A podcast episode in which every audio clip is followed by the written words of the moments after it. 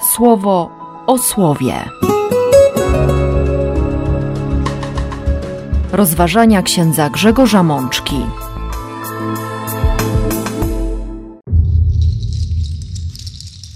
Wigilia Paschalna, rok C. Z Ewangelii według świętego Łukasza. Dlaczego szukacie żyjącego w miejscu przeznaczonym dla umarłych? Nie ma go tutaj, gdyż z martwych wstał.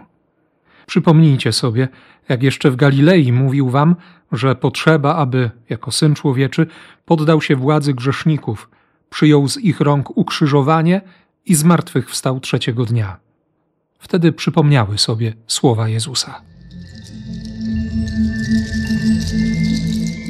Siostry i bracia, przed nami najpiękniejsza liturgia w ciągu roku.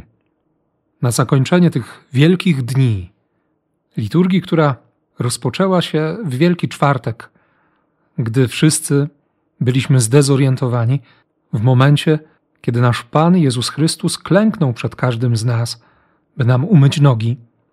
Później słyszeliśmy w Wielki Piątek, że, że się pomyliliśmy, że uważaliśmy sługę Boga za przegranego, przeklętego, odtrąconego, że wydawał się być przygnieciony jakąś chorobą, a On dźwigał nasze słabości.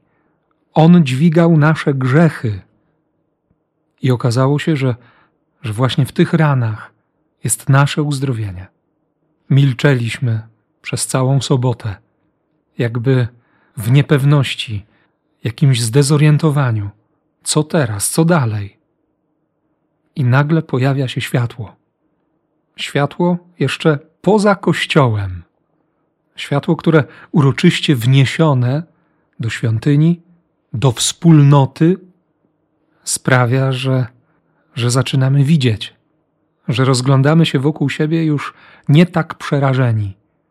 Posmakowaliśmy ciemności i ten lęk przed niewidzeniem zostaje usunięty najpierw przez mały, naprawdę niewielki płomień świecy paschalnej, później gdzieś w naszych rękach świece, które trzymamy, zaczynają też dawać światło, zapalone właśnie od paschału, i wreszcie rozświetlone zostaje całe miejsce, w którym zgromadziliśmy się, by sprawować tę wigilię paschalną.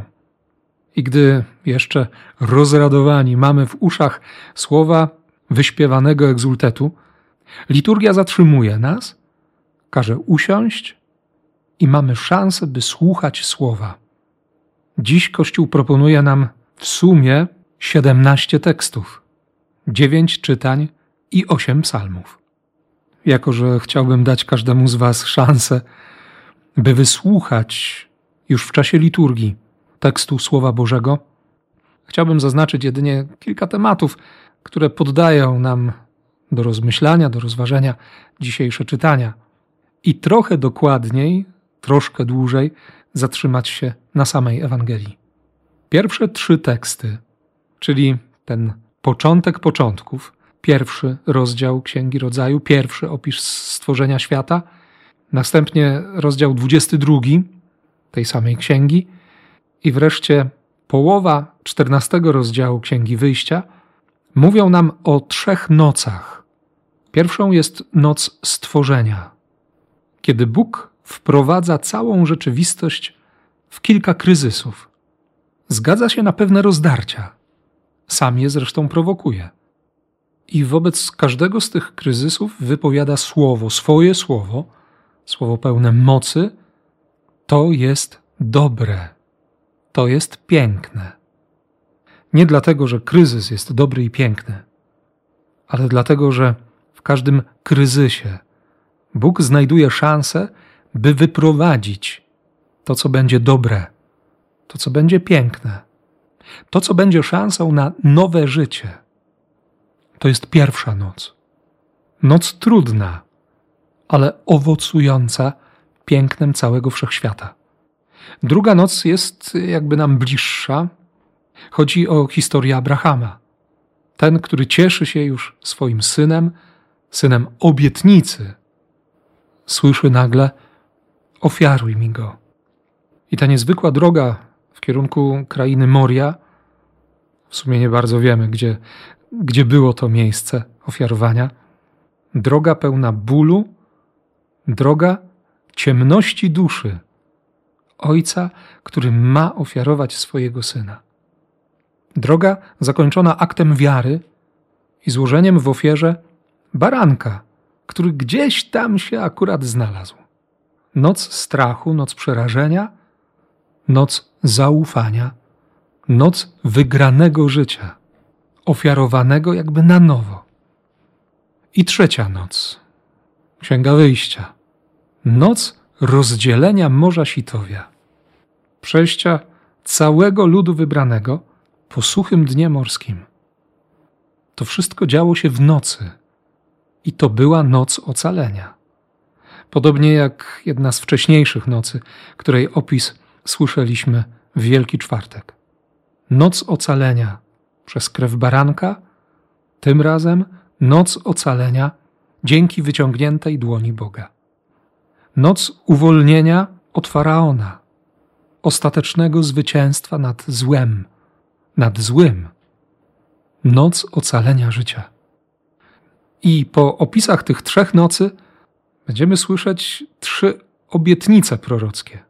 Dwie pochodzą z proroctwa Izajasza 54 i 55 rozdziału, a trzecia to proroctwo Barucha, fragmenty rozdziału trzeciego i czwartego. Najpierw dociera do naszych uszu to czułe zapewnienie zapisane przez proroka Izajasza. Nie bój się, nie lękaj się. Ja cię uratuję. Moja miłość nigdy od ciebie nie odstąpi. Nie boję się ciebie kochać. Myślę, że to słowo jest potrzebne wielu z nas. W kolejnym, 55 rozdziale Bóg będzie mówił: Przyjdźcie, przyjdźcie, choć nic nie macie, nie bójcie się. Jesteście spragnieni, potrzebujecie, nie macie co dać w zamian. Przyjdźcie, zacznijcie słuchać, szukajcie, szukajcie mnie, bo chcę być odnaleziony, bo jestem dla Was. Moje myśli są zupełnie inne niż Wasze. Moje drogi kompletnie różnią się od tych ścieżek, którymi chodzicie, ale, ale szukajcie mnie, słuchajcie mnie, przyjdźcie. Bo moje słowo nie jest bezsilne. Moje słowo jest dla Was. I zachęceni w ten sposób słyszymy proroctwo Barucha, które rozpoczyna dokładnie to samo wezwanie. Nakłoń ucha, bądź posłuszny przykazaniom, które dają życie. Dlaczego jesteś wynędzniały? Co się stało, że umierasz? Opuściłeś źródło mądrości? Wróć, wróć, zmień swoje myślenie. Przytrzymaj w swoich rękach słowo Boga, utrzymaj je, chwyć je mocno. Zmień myślenie, nawróć się. Przecież wiemy, co się Bogu podoba. To nie jest żadna tajemnica. Więc uwierzmy Jego słowu jeszcze raz. I liturgia po tych trzech proroctwach, tych trzech obietnicach, da nam jeszcze jeden tekst z pierwszego przymierza, z 36 rozdziału proroctwa Ezechiela. Bóg mówi wyraźnie: Nie zrobiliście nic, co miałoby pomnożyć moją chwałę wśród narodów, do których zostaliście wypędzeni, wśród których się znaleźliście. Przeciwnie, traktowaliście mnie, jakby mnie nie było. Ale ja chcę się okazać wiernym. Ja uświęcę moje imię i dotrzymam moich obietnic. Dlatego was zgromadzę, dlatego was przyprowadzę z powrotem do waszego kraju. Oczyszczę was, uwolnię was od wszystkich bożków, od każdego waszego grzechu. Kilkanaście rozdziałów wcześniej Bóg powiedział: Utwórzcie sobie nowe serca i nowego ducha. Ale wie, dobrze wie, że nie stać nas na to, że nie potrafimy sprostać temu zadaniu. Dlatego daje obietnicę: Ja dam wam nowe serce i dam wam nowego ducha. Uwolnię was od tego kamienia, który macie zamiast serca i mojego ducha chcę tchnąć w was. I będziecie moim ludem.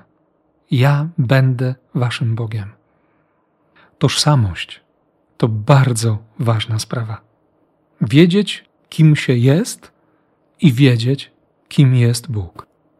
I swego rodzaju odpowiedzią na te obietnice, oprócz Psalmu 42, będzie nagłe przerwanie tej liturgii słowa hymnem chwała na wysokości Bogu.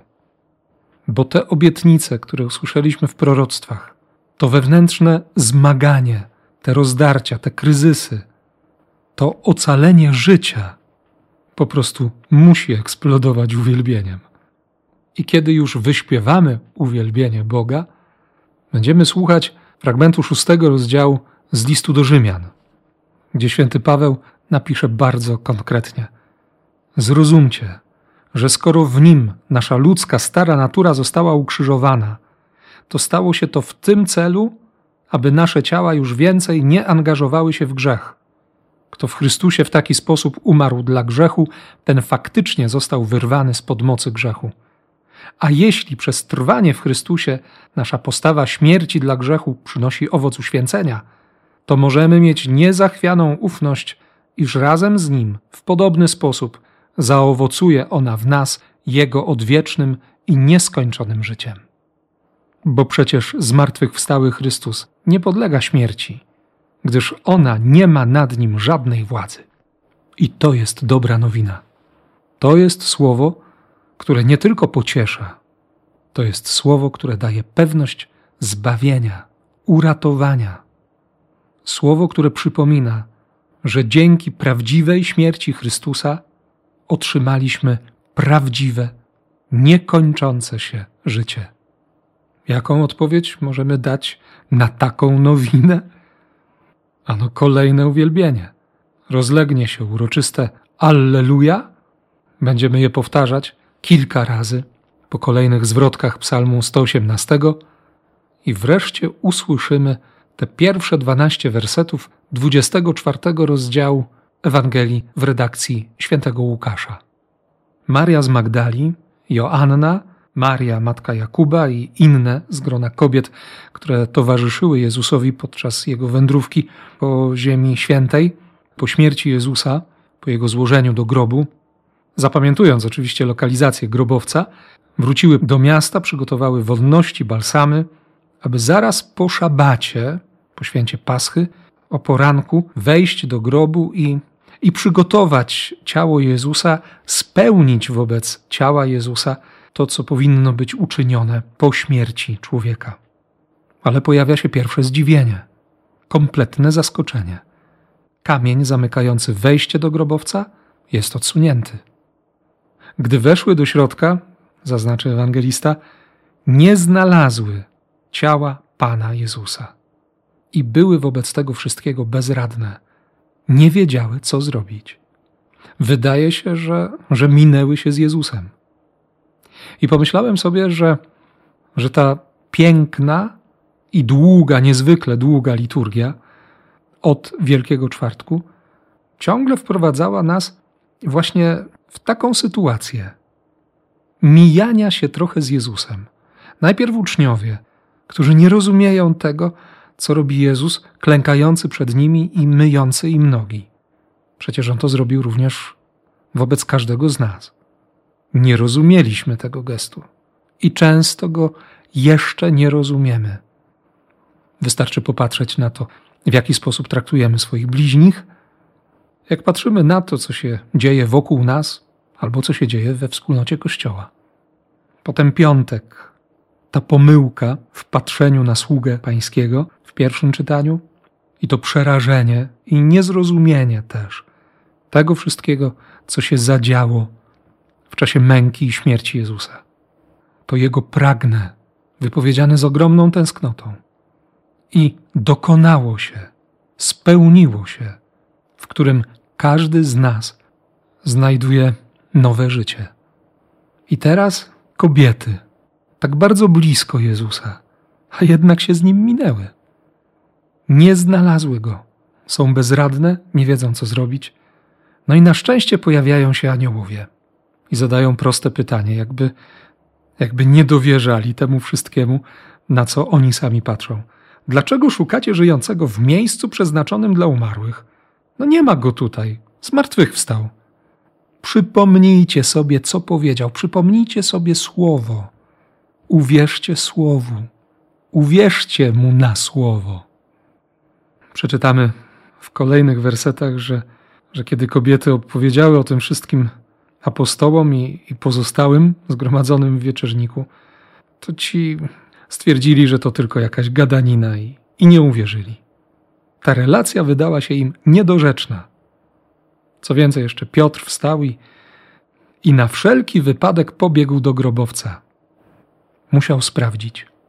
Musiał sam się przekonać. Zresztą w innej redakcji Ewangelii Jezus spotka się na drodze z kobietami i powie: Przekażcie moim braciom i przekażcie Piotrowi, niech on również usłyszy, że, że ten nakaz pójścia do Galilei jego też dotyczy. Pomyślałem sobie, że te wszystkie opisane w Słowie Bożym momenty minięcia się z Jezusem, niezrozumienia go, bycia jakby obok, są dla mnie osobiście i wierzę głęboko, że, że będą również dla Was szansą na nadzieję.